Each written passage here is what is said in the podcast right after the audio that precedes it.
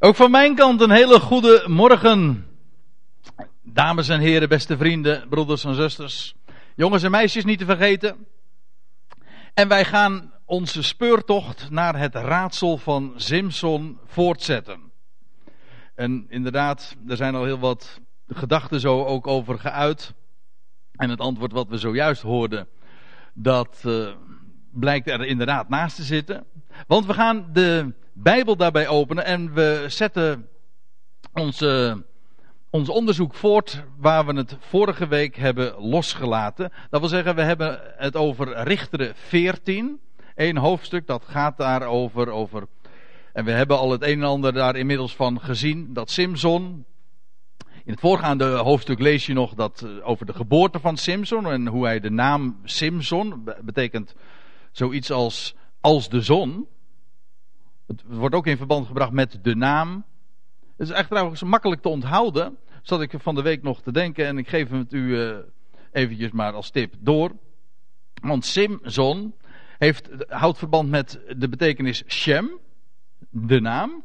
Of het houdt verband met Shemesh, de zon. Maar in het Nederlands is dat uh, een makkelijk ezelsbruggetje. Want Simson het laatste onderdeel geeft meteen aan waar het naar verwijst, de zon. En Shem, de naam, zit in het eerste deel.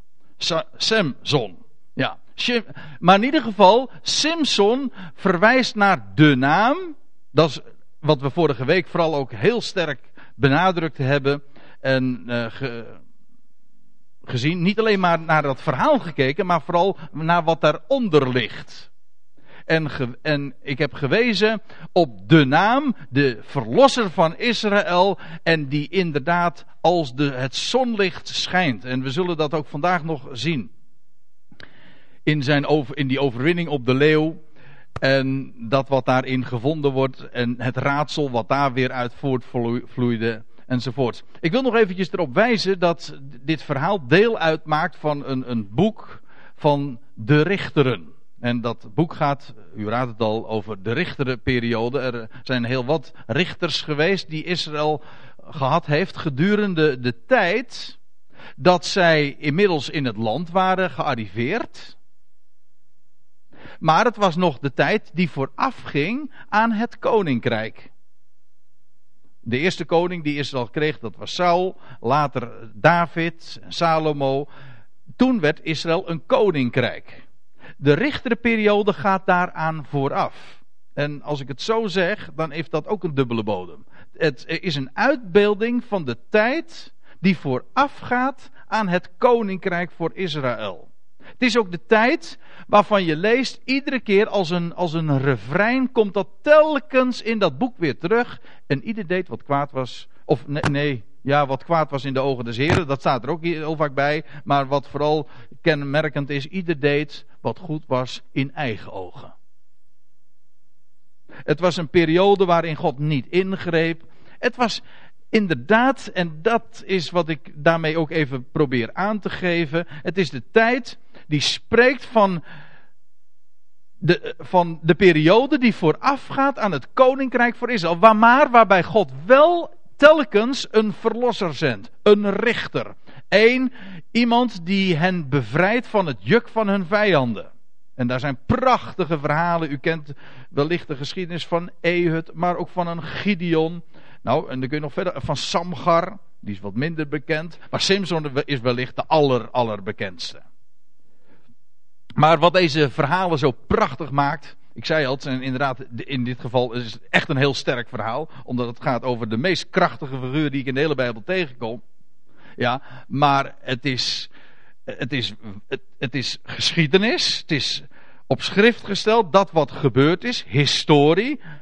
Maar het wijst altijd weer naar, en dat is karakteristiek voor de hele Bijbelse boodschap. Het wijst vooruit en het wijst naar Hem, de Verlosser van Israël hem die de naam boven alle naam heeft ontvangen. En hem die als, het, als de zon zijn licht laat schijnen. En de duisternis ook doet verdrijven. Ja. Nog eventjes terugblikkend op wat we de vorige keer hebben gezien. Ik heb daarbij uh, eventjes als samenvatting. Ik heb daarbij vastgesteld en even nog onder de, uw aandacht gebracht. Dat Simpson als een Nazireër een type is van hem die gehoorzaam was tot de dood. En die gehoorzaamheid die wordt ook uitgebeeld in dat lange haar. En het feit dat hij geen wijn mocht nemen. Dat wil zeggen, de, de, de feestvreugde was feitelijk niet voor hem weggelegd. Wel, het heeft ermee te maken dat hij een weg ging tot. Hij ging gehoorzaam zijn weg tot de dood. Hij kwam om te sterven. De Simpson spreekt van hem die in vernedering kwam. Die de overwinning zou behalen, maar hij kwam in vernedering, in gehoorzaamheid en zo zou hij de overwinning behalen. Maar het was een weg, een, een lijdensweg. Ja. Goed, het tweede wat ik ook daarbij naar voren heb gebracht is dat Simpson spreekt van hem die als bruidegom tot zijn volk kwam. Ja, een volk waarvan we lezen dat het onbesneden was van, van hart, onbesneden van lip. Een volk dat feitelijk niet geschikt was om in Gods dienst, in Gods dienst te staan. Ja. Met een spatie tussen beide woorden dus. En dat is trouwens, ik wil dat graag nog eventjes gezegd hebben. Ik heb dat de vorige keer niet vermeld, maar je leest dat ook in, eh, ergens in de Matthäus-evangelie, trouwens ook elders nog wel, dat als de Heer Jezus hier op aarde is, dan, dan presenteert hij zich ook als de bruidegom. Dan zegt hij bijvoorbeeld in Matthäus 9, Jezus zei tot hen, kunnen soms bruiloftsgasten treuren zolang de bruidegom, dat is de Messias, dat is hij zelf, zolang de, de bruidegom bij hen is. Er zullen echter dagen komen dat de bruidegom van hen weggenomen is en dan zullen zij vasten. Ja, dat is opmerkelijk, want ook die, die periode wordt in Richter 14 aan het einde ook beschreven. Dat de bruidegom er niet meer is. Van hen weggenomen is. En het leidt inderdaad nog, nog tot treurnis ook. En in wezen tot hele dramatische gebeurtenissen en toestanden. Goed, de Heer Jezus was hier op aarde. Hij, present, hij kwam tot zijn volk. Een Filistijnse vrouw, ja. Dat was het een, volk, een, een vrouw uit de Filistijnen, uit dat onbesneden volk. Zo wordt het iedere keer ook trouwens in Richteren genoemd. De Filistijnen, dat waren die onbesnedenen. Ja, maar dat was Israël in de dagen dat de Heer Jezus als bruidegom tot zijn volk kwam, was het ook een onbesneden volk. Onkundig over wie de Heer was, afgeweken van hem en geknecht ook onder de heerschappij, onder een juk dat ze niet konden dragen. Nou, typerend feitelijk ook voor de situatie van Israël in de dagen van Simson. Goed. Ik pak nu weer de draad op, ongeveer waar we hem de vorige keer hebben losgelaten. Ik, ik begin nu bij vers 8.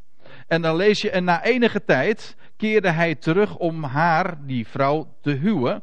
En toen hij van de weg afweek om naar de dode leeuw te zien. Hè? Ik, we weten nog, hij had die, die leeuw machtig verscheurd die jonge leeuw die grommend en brullend op hem afkwam en hij in, in zijn dan lees je de geest des Heren greep hem aan en, en hij overwint die brullende leeuw en als een, als een geitenbokje scheurt hij hem uiteen. Ja, ik heb toen nog de link ook gelegd naar, naar de, de offerdienst, want het is een terminologie die we ook daarin tegenkomen. Als een geitenbokje uiteen scheuren. Maar weet u, wat je hier ziet is dat Simson, die, die, die verscheurende leeuw, die alles verslindt, die sterke eter, ik kom daar straks op terug, overwint. Een schitterend beeld van de opstanding. die, eh, een leeuw is namelijk een, is een, een, dier dat verslindt. Dat is wat trouwens de dood ook is. Die dood is, nou we hadden het er al eerder vanmorgen over. En dat is de, de grote schaduw die over deze wereld ligt. Het is een vergankelijke wereld. En, en de dood is een alles verslindende en sterke eter. Ja, maar dan is daar die Simson, de verlosser van Israël. Hij die een begin zou maken met de verlossing van Israël. Dan is die, daar die Simson. De geest des Heren greep hem aan. Hij ontving de geest en hij overwint die leeuw. Hij verscheurt die leeuw. Een schitterend beeld van, van, zijn, van de opstanding over de dood. Die, die leeuw is een embleem van de dood. Die alles verscheurt en alles, ja, inderdaad ook teniet doet en dood. Dat is wat een leeuw doet. Maar Simpson is degene die overwint. Nou. En dan komt hij terug later bij die, bij die dode leeuw. En wat ziet hij daarin? Een, een bijenzwerm in het lichaam van die leeuw en ook honing. Dat wil zeggen, in de overwinning op de dood, want dat is wat hij ziet, hij, in die dode leeuw, ja, wat komt daaruit voort? Wel, hij ziet daar, hij ziet, hij ziet daar bijen, hij hoort daar die bijen, bijen zoemen en zo'n hele bijenzwerm, zo'n bijenvolk.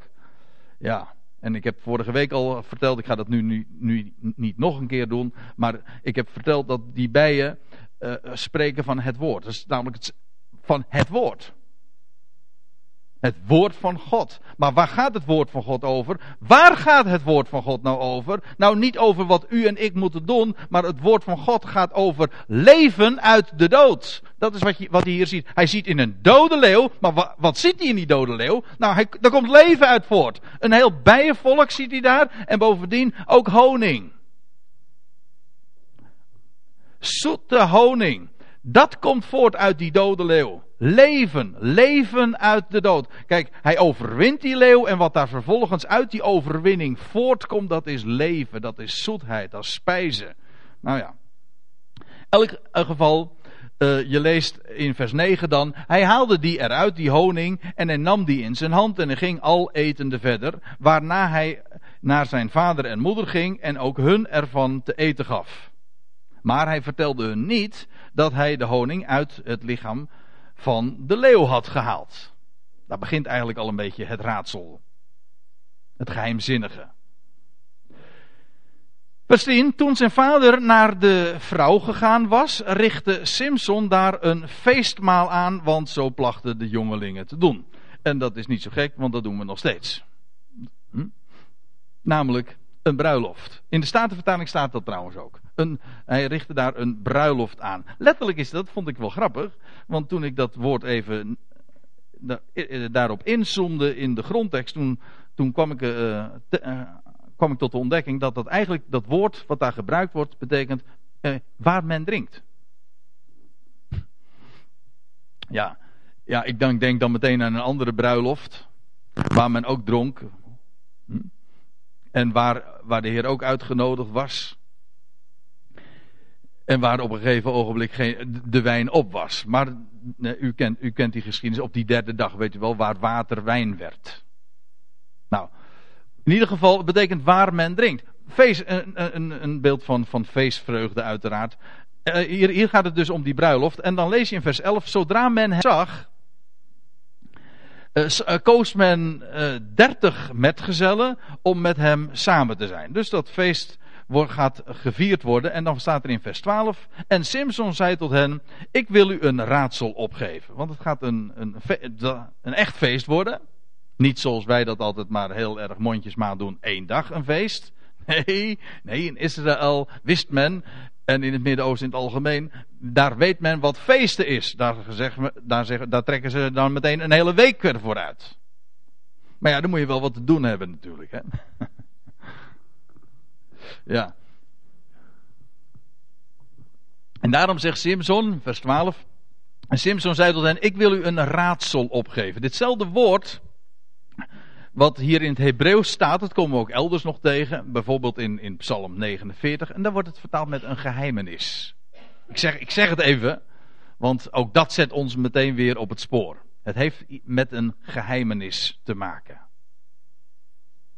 Een verborgenheid. Een van die, die termen die we in, de, in het Nieuwe Testament zo dikwijls tegenkomen, met name in de brieven van de apostel Paulus. Hou hem even vast. Dan staat er in vers 12 dat Simpson dan zegt tegen, die, tegen al die feestgangers: Indien gij mij de oplossing geeft binnen de zeven dagen van het feestmaal en het raad, dan zal ik u dertig onderklederen en dertig bovenklederen geven. Hm? Nou, voor sommige mensen zou dat een ontzettend aantrekkelijk aanbod zijn. Mij zou het niet zoveel zeggen. Maar, uh, hm? ja, ik zit zo eventjes naar mensen te kijken. Die zou zeggen, nou, dat lijkt me een heel leuk feest. Maar goed. Uh, Simpson geeft, doet dat aanbod en hij, uh, vervolgt maar dan met in vers 13. Maar indien gij mij de oplossing niet kunt geven, dan zult gij mij dertig onderklederen. Dan zult gij mij, zo moet ik de, het accent leggen. Dan zult gij mij dertig onderklederen en dertig bovenklederen geven. En ze zeiden tot hem: Geef uw raadsel op, dat wij het horen. Nou. Toen zeide hij tot hen: Spijzen ging uit van de eter en zoetigheid van de sterke. Dat is het raadsel. Wat is dat? Waar heb ik het over? Spijze ging uit van de eter en zoetigheid van de sterke. Het is een, een wat in het Hebreeuws heel dikwijls voorkomt, een parallelisme. Dat wil zeggen, het zijn twee parallelle zinnen. Spijze komt overeen met de zoetigheid en de eter komt overeen met de sterke. Dus als je het in één zin compact zegt, dan komt het erop neer. Zoete spijze ging uit van de sterke eter. En dat is, dat is inderdaad heel raadselachtig, want spijze ging uit van de eter. Dat is niet normaal. Spijze gaat in de eter. Toch? Eh, dat is wat een, een eter, dat is. Dat is iemand of iets of een beest wat eet. Maar daar komt, daar komt spijze in. Er komt geen voedsel uit. Als voedsel bedoel ik dan. Hè? Spijs, dat, dat is raadselachtig. Spijzen ging uit van de eten. Dat is op zich al raadselachtig. Maar dan, dan vervolgens, wat voor spijzen ging het dan en om wat voor eter? Dus dat is de vraag. Spijzen ging uit van de eter en zoetigheid van de sterke. Ja. Nou, en dan lees je in vers 14: drie dagen lang konden zij het raadsel niet oplossen. Dat vind ik wel opmerkelijk dat het er dan zo staat, want in de Bijbel heeft het raadsel en het geheimenis heel veel te maken met drie dagen. Ja. Dan denk ik trouwens ook aan verschillende dingen. Dan denk ik aan de drie dagen van waarvan we lezen in de Evangelie dat de Heer Jezus na drie dagen zou opstaan. Maar ik denk ook aan de drie dagen die we vinden in Hosea 6. Over Israël die uh, gedurende die dagen dood zou zijn en op de derde dag verwek, uh, zou opstaan uit de doden. Is ook een verborgenheid. Dat is een raadsel. Geheimenis heeft, heeft iets met die drie dagen. Maar dan lees je vervolgens, maar op de zevende dag, dat is trouwens ook eigenaardig, want kijk, dit was een feest van zeven dagen. Maar de zevende dag, en dan vertel ik toch niks nieuws als ik dat u zo even, als ik dat u daaraan herinner, dat de zevende dag in de Bijbel altijd spreekt van de Sabbat. De zevende dag, begint al in Genesis 1. De zevende dag, dat is de dag die God geheiligd heeft, apart gezet heeft. En dat verwijst natuurlijk naar, naar Genesis 1, dat God in, die zes dagen, in zes dagen dat hele verhaal van de schepping aan Adam verteld heeft. En op de zevende dag uh, rustte hij en was alles voltooid. Dat is waar, maar het verwijst naar de toekomst ook. Naar de Sabbatdag die nog gaat komen. De, ze de zevende dag. In in Hebreeën 4 lees je in vers 9 dat er een sabbatsrust overblijft voor het volk van God. En dat, dan gaat het over, over die wereldzabbat. Over de, de zevende dag die God geheiligd heeft. En daarbij denk ik ook aan de, de dag als, uh, Zoals de Bijbel dat uh, meer dan eens ook zegt. Hè, voor de Heer is één dag als duizend jaar. Die zevende dag is dat zevende millennium. Hè, er zijn, inmiddels zijn er bijna zes dagen van menselijke arbeid en van menselijke geschiedenis vanaf Adam zijn er gepasseerd. Zes, drie keer 2000 jaar. Hè, van Adam tot Abraham, van Abraham tot Christus en van Christus tot nu. Drie keer 2000 jaar. Zes dagen van duizend jaar zijn inmiddels bijna passé. En dat betekent de zevende dag gaat aanbreken. Die rust voor deze wereld. En nadat de mens zoveel gearbeid heeft, zegt, zal God zeggen: En nu is er rust. En dan hoeft, dan hoeft de mens ook niet meer te werken. En dan is zal er overvloed zijn. Dat zal een dag zijn waar al de profeten van spreken. De, de zevende dag. De zevende dag houdt in de Bijbel ook verband met, met de openbaring van het raadsel. Ja.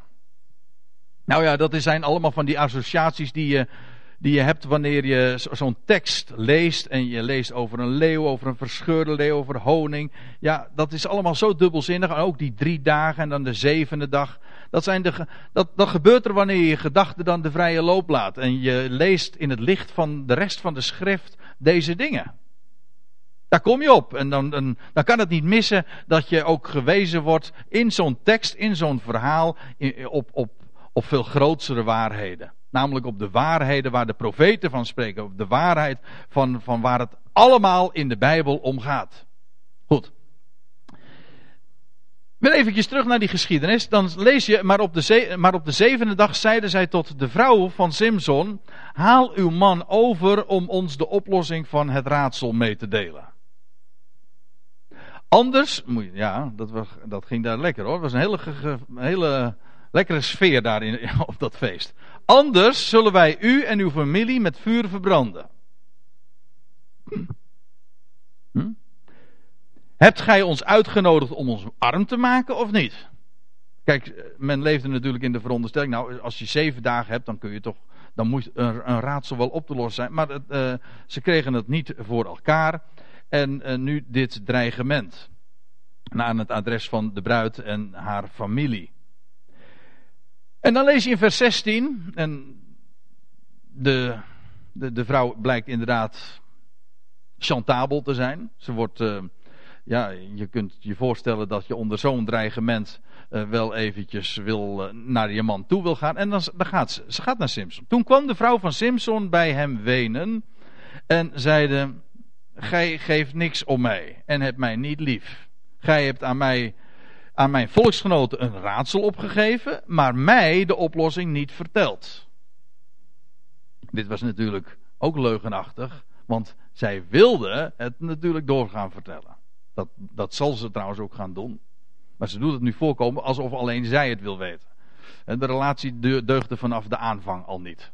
Hoe dan ook, uh, hij, hij echter zei tot mij: Ik heb die zelfs aan mijn vader en moeder niet verteld. Zou ik het u dan wel doen? Dan denk je van: Nou, dan ben je nog niet echt goed getrouwd hoor. ja, de vrouwentranen. Huip. Had die schoolmeester toch niet helemaal ongelijk? Ja. Ja, en inderdaad, Simpson heeft daar een zwak voor. Simpson had sowieso een zwak voor vrouwen. We lezen een, voor een, drietal keren in zijn leven van een vrouw. Waarvan, de bekendste, waarvan we er slechts één trouwens bij namen kennen, en dat is Delila. Maar goed, uh, Simpson die zal, uh, die zwicht. Want in al zijn kracht is er iets wat sterker is dan Simpson. Even naar het verhaal gezien, en dat is een vrouw. Daarvoor, daartegen was hij niet bestand. Maar goed, het gaat er eventjes om, om, om, om de reactie van, van deze Simpson. Hij zegt, zou ik het... Ik heb mijn vader en moeder niet verteld. Maar het idee van een huwelijk is juist dat je je vader en moeder verlaat en je vrouw aanhangt. dat je afstand neemt van, van je ouders, tot op zekere hoogte natuurlijk. En dat je vervolgens met je vrouw verder gaat. En hij is nou notabene in de bruiloftsweek. En hij zegt, ik heb het mijn vader en moeder ook nog niet verteld. Zou ik het u dan wel doen? Ja? Maar goed, eh, de verhoudingen zijn heel eigenaardig. Dan uh, lees je in vers 17, maar zij weenden bij hem de zeven dagen die hun feestmaal duurde. Dat, dat is eigenaardig.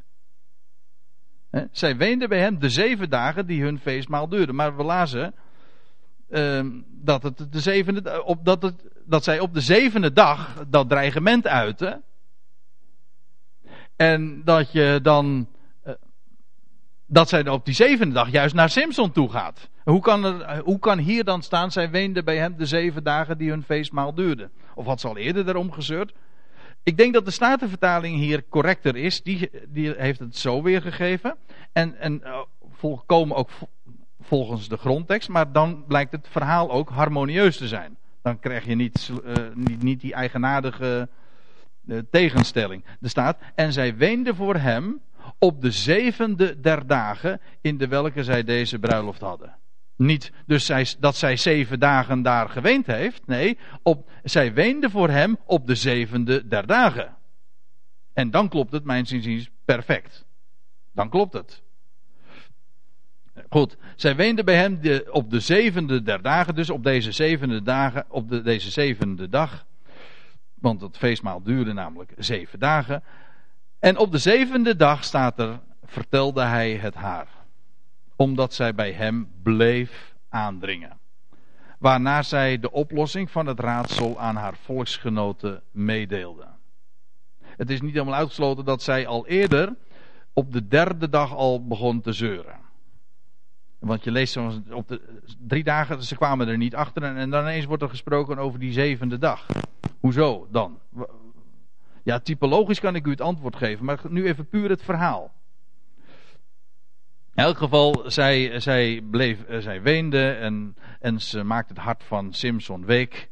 En dan staat er, en op de zevende dag vertelde hij het haar, omdat zij bij hem bleef aandringen, waarna zij de oplossing van het raadsel, en nou blijkt dus hoe corrupt ze, zij is, uh, waarna zij de oplossing van het raadsel aan haar volksgenoten meedeelde. Maar ook wel weer begrijpelijk, want het dreigement loog er niet om. Hm? En toen zeiden de mannen van de stad op de zevende dag, voordat de zon was ondergegaan, want ja, het moest allemaal binnen de zeven dagen gebeuren. Dus voordat de zon onderging, kwamen zij hadden zij het geheim en de oplossing van het raadsel ontfutseld aan de, aan de vrouw van Simson. En voordat de zon was ondergegaan, komen ze tot Simson en dan zeggen ze: Wat is zoeter dan honing en wat is sterker dan een leeuw? Dat is de oplossing. Wat is zoeter dan honing en wat is sterker dan een leeuw? Ja, maar ik moet er wel iets bij zeggen. En dat vind ik het allermooiste. Het is de oplossing van het raadsel. Maar het is ook weer een raadsel op zich. U zegt het is een retorische vraag. Ja, natuurlijk in het verhaal wel. Maar het is een raadsel. En ik zal u vertellen dat beide vragen een antwoord hebben, vinden in de Bijbel. Wat is er zoeter dan honing? En wat is er sterker dan een leeuw? Nou, laten we eerst die eerste vraag eens zien. Wat is er zoeter dan honing? En nog eventjes tussendoor.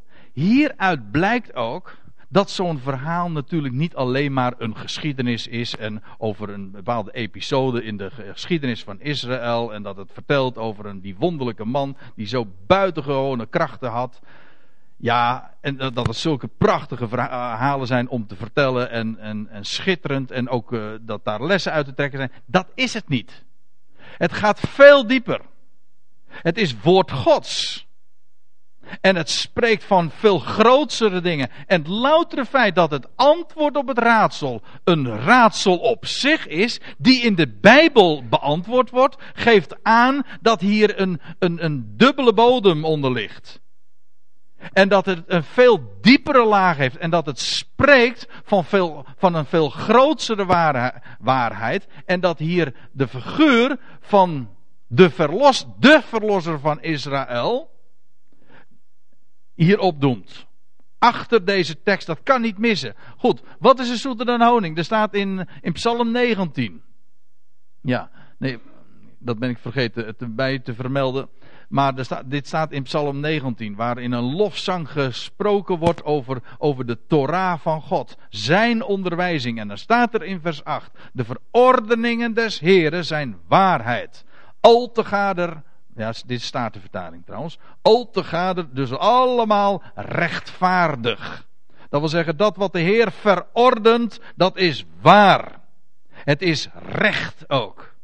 En dan gaat het trouwens niet over wat wat de mens ervan gemaakt heeft. Het woord van God als een juk. ijs op ijs. Wet, regel op regel. Wet op wet. Dit moet, dat moet, dat moralistische. Want dat wordt van het evangelie en van de bijbelse boodschap altijd gedaan. Maakt. Men maakt er altijd weer een boodschap van dat, ze, dat er over gaat. Ja, wat wij moeten doen. En daar gaat de Bijbel nou helemaal niet over. Als je zo trouwens die geschiedenis van Simpson leest, dan kom je daar ook niet uit. Want zo voorbeeldig was hij niet hoor.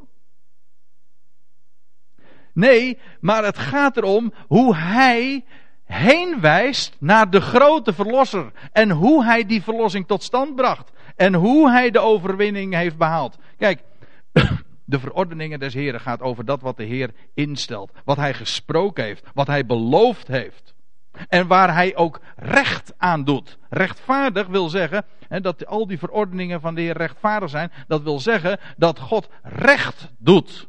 En recht doet aan wat? Wel aan zijn belofte. Hij heeft gesproken en hij zal het vervullen. En het hangt allemaal, maar dan bedoel ik ook werkelijk al te gader, om het eens even heel oud-Nederlands te zeggen. Echt al te gader is het rechtvaardig en alles zal hij vervullen. En niets hangt van de mens af. En dat wordt gepresenteerd. Dat wordt in de Bijbel geleerd. Gegeven. Ja, dat zal maar makkelijk zijn. Oh, ik weet het. Ik heb het van de week nog weer en het erover gehad. En eh, ik, ik kom het iedere keer weer achter. Dat ook de christelijke godsdienst met recht een godsdienst is geworden. Een religie, regels, moralistisch. En men leest de Bijbel en men denkt van, oh, dat gaat er over wat wij moeten doen. En het is altijd een slap aftreksel.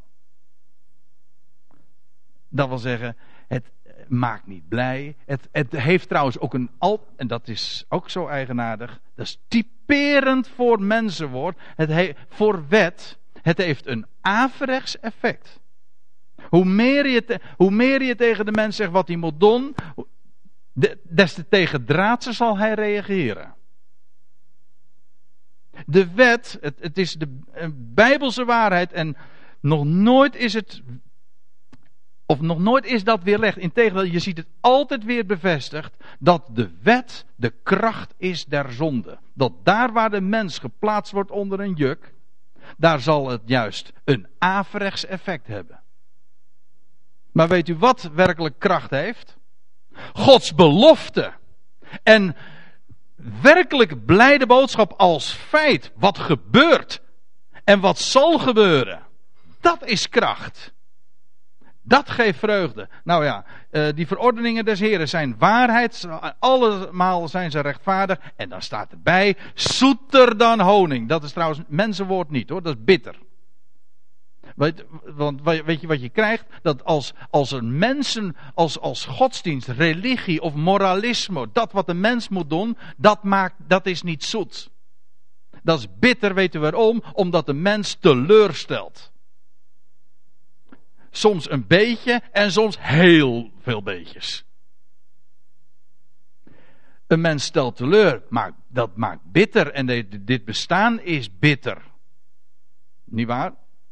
We worden er dagelijks mee geconfronteerd en we hebben er vanmorgen al dingen over gehoord. Hoe, hoe, hoe bitter het is dat, dat het bestaan vergankelijk is. Hoeveel lijden er is, hoeveel leed er is. Hoeveel mensen zijn er niet die gebukt gaan.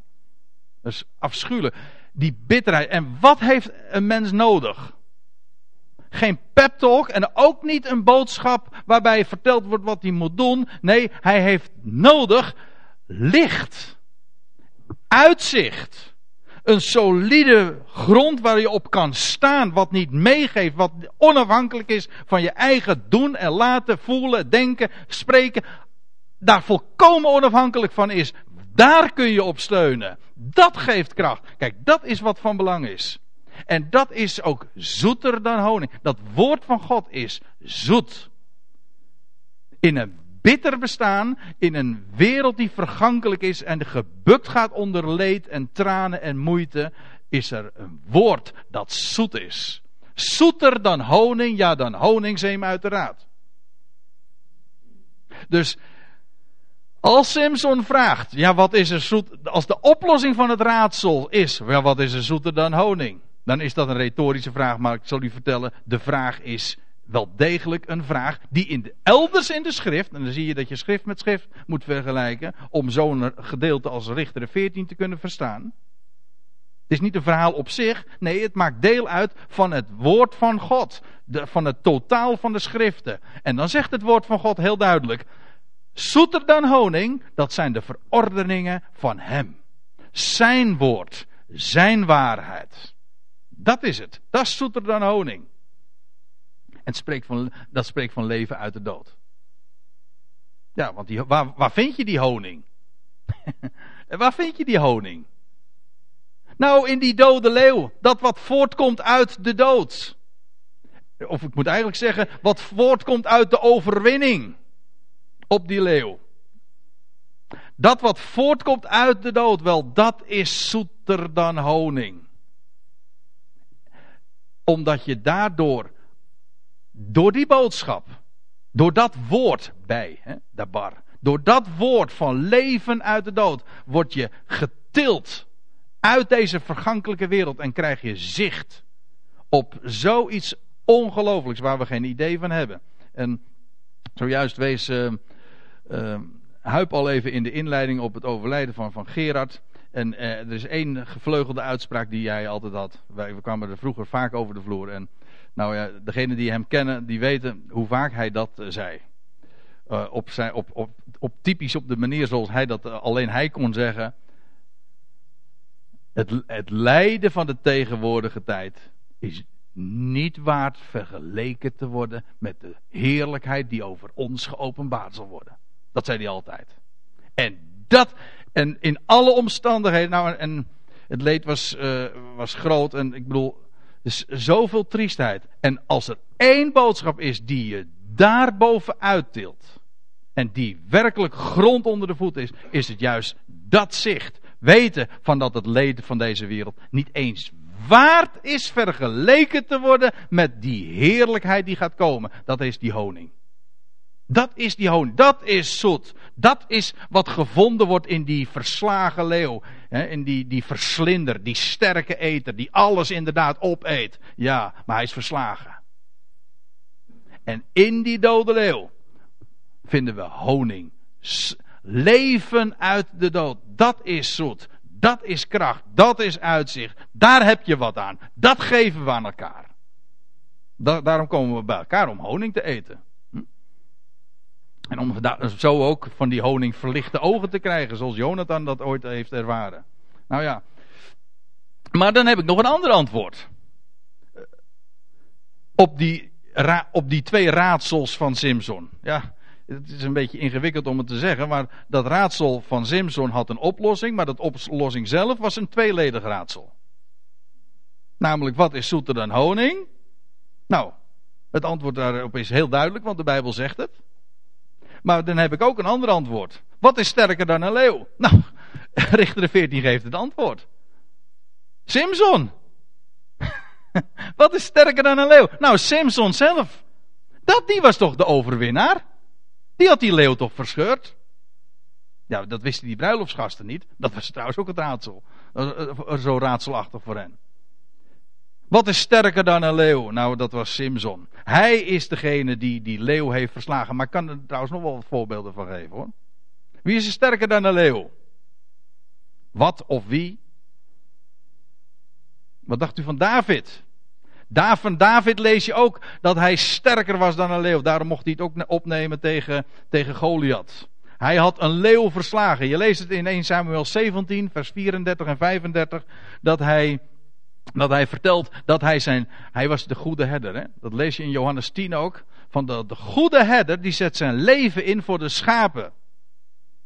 En David zegt het ook. Hij zegt: Ik heb een leeuw verslagen. Als, als, er, dan, als er een leeuw kwam bij de kudde en die een schaapje weg, uh, wegroofde. Hij zegt: Dan heb ik. Ik ben vergeten het, het gedeelte uh, eventjes ook te vermelden. Want het zou wel mooi zijn om, om dat eventjes na te kijken. Doe, dat, u dat uh, thuis eens. 1 Samuel 17, vers 34 en 35. Als er dan een schaapje was geroofd door een, door een leeuw, dan, hij zegt, dan ging ik, kwam ik, eh, ging ik naar die leeuw toe en ik versloeg die leeuw en ik heb dat schaapje heb ik weer uit, zijn, uit, uit de muil van die leeuw gered. Kijk, dat is David. Die zijn leven inzette voor de, voor de kudde. En zelfs voor, voor dat ene schaapje. Die het verlorene gewoon zoekt en ook weer vindt. Hoe doet hij dat? Wel door die leeuw te verslaan. Zie je trouwens ook hier weer dat die leeuw in dit geval ook een beeld is van die allesverslindende dood. Simpson is sterker dan de leeuw, ja. David is een sterker dan de leeuw, maar ik begrijp natuurlijk wel dat David daarmee een beeld is van de goede herder, die, die eerst kwam als goede herder, ja, uit de, inderdaad geboren in het, in het plaatsje Bethlehem, daar kwam hij uit voort. Hij was die goede herder en hij zou koning worden, maar dat zou nog een hele tijd duren. Want er zat nog een hele periode tussen. Maar ziet u hoe, hoe, dat soort waarheden waar we het vorige week en van deze week over hebben, hoe, hoe die ook hier weer in, in terugkeren. Eerst de goede herder, daarna zou hij pas koning worden over eerst Juda en later ook over heel Israël te Jeruzalem. Dat komt nog, dat komt nog. hij was eerst die goede herder. Die sterker was dan de leeuw. Wat is sterker dan de leeuw? Antwoord 1, Simson zelf. Antwoord 2, David. Ik heb er nog één trouwens. Ook een mooi hoor. Dat is Daniel. Nou, je leest niet dat hij het verslagen heeft, maar hij, hij ontkomt dan toch maar mooi. En niet aan één leeuw, maar een hele, een hele verzameling leeuwen. Die bovendien al dagen niet gegeten hadden, lees je. En hij wordt daar in die, leeuw, in die leeuwenkuil gegooid. Ja, dat is een, Daniel 6, daar, daar vind je die geschiedenis. Die man uit Juda, want dat was Daniel. Hij was die man uit de, uit de stam van Juda. En hoe komt hij daar in die leeuwenkuil terecht? Wel omdat hij het woord van God volgde. Hij was gehoorzaam aan het woord Gods. Daarom komt hij in die leeuwenkuil. Die leeuwenkuil was eigenlijk gewoon een groot graf. hij werd daar gewoon in, in, in, de kuil, in, in het graf geworpen. Hij zou er verslonden worden door die leeuwen. Binnen, in, binnen een fractie van een, van een seconde zouden ze, zou er niks meer van Daniel over geweest zijn. Ja. En de volgende morgen. Dan lees je dat er bovendien op die leeuwenkuil wordt daar een steen, eh, wordt daar een steen gelegd. Een grote steen staat er. En die steen die wordt ook verzegeld. Ja, waar, waar doet dit aan denken?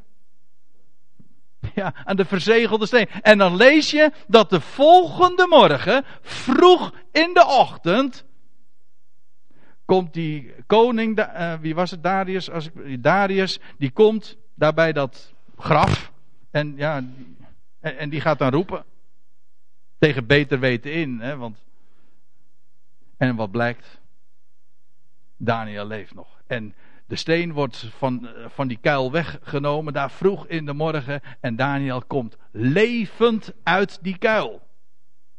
En er was niets. Hij was volstrekt ongeschonden. Hij, is, hij was sterker dan de leeuw. Nou, hier zie je trouwens helemaal mooi geïllustreerd. Wat is sterker dan de leeuw? Dat, eh, dat dat spreekt van de overwinning op de dood. Op de weggewentelde steen. De die verzegelde steen. Die, en hoe hij vroeg in de morgen verrees. Ont, was ontkomen aan, aan, de, aan de doodslucht als ik het zo mag zeggen, van, van, die, van die leeuwen. En, en ontkomen was aan, aan die sterke eter en die verslinder.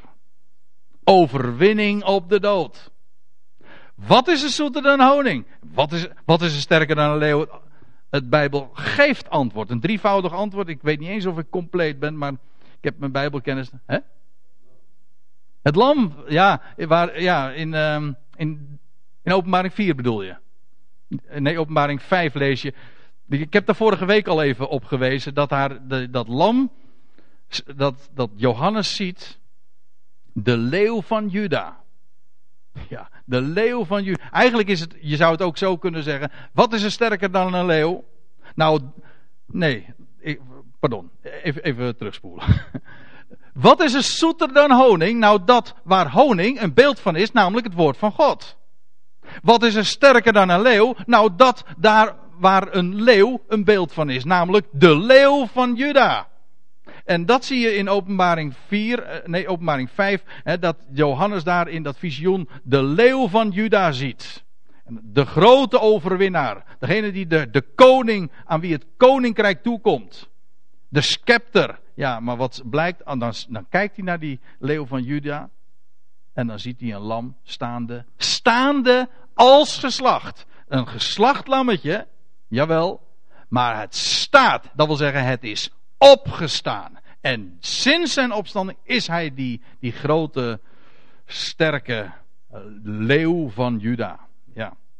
Zo zie je dat die beelden uh, allemaal, hoe, via verschillende lijnen, allemaal uiteindelijk gewoon uitkomen. Dat kan niet missen bij de grote overwinnaar. En dat is het, het thema in de Bijbelse boodschap.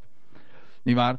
De grote overwinning op de dood. En dat is die honing. Dat is die, dat wat zoet, zo zoet is. En wat aangenaam is voor elke sterveling die gebukt gaat onder het leed en onder de vergankelijkheid. Kortom, wij allemaal. Goed. En dan in vers 18, want ik moet nog even verder gaan. Nog een paar versen in dit hoofdstuk. En hij Simpson zeide, toen hem dat zo verteld werd. Maar hij zeide tot hen: Had gij niet met mijn kalf geploegd? Met het kalf bedoelt hij zijn vrouw. Ja. Hè? Ja.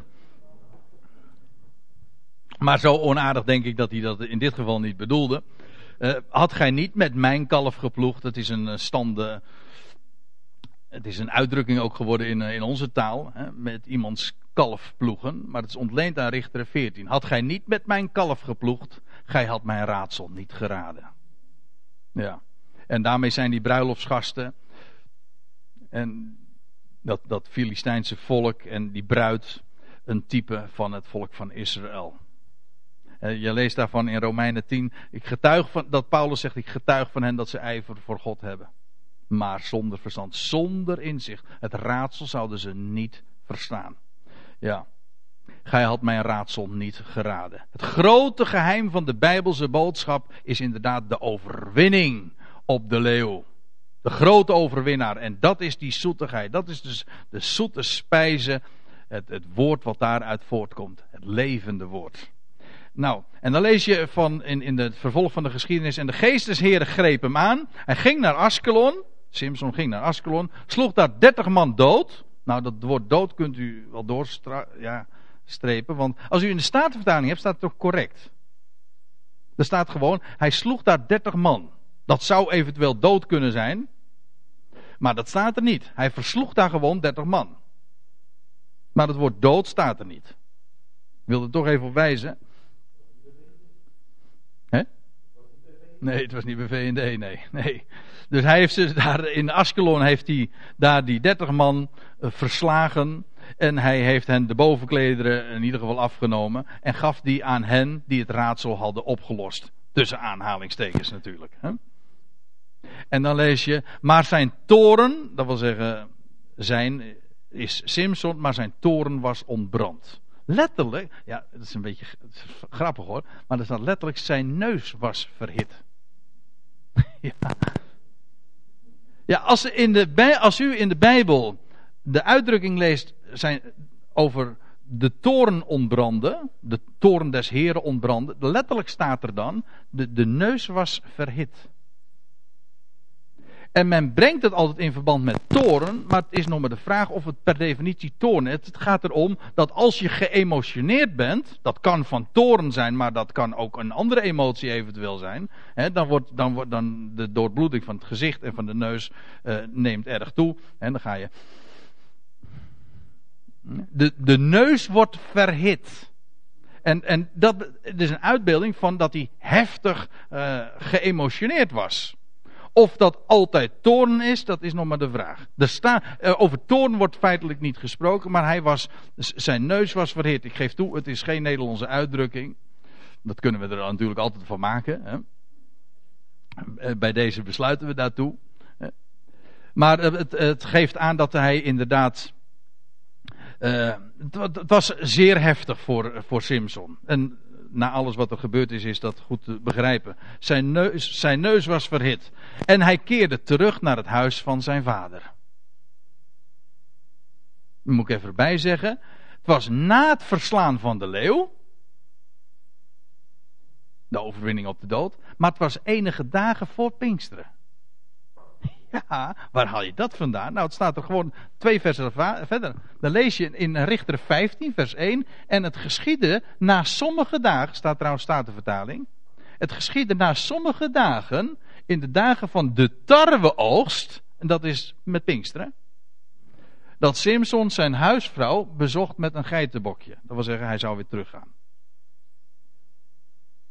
Maar hij was teruggegaan naar zijn vaders huis. Enige dagen dus voor Pinksteren. Na de overwinning op de leeuw keert hij terug naar het huis van zijn vader.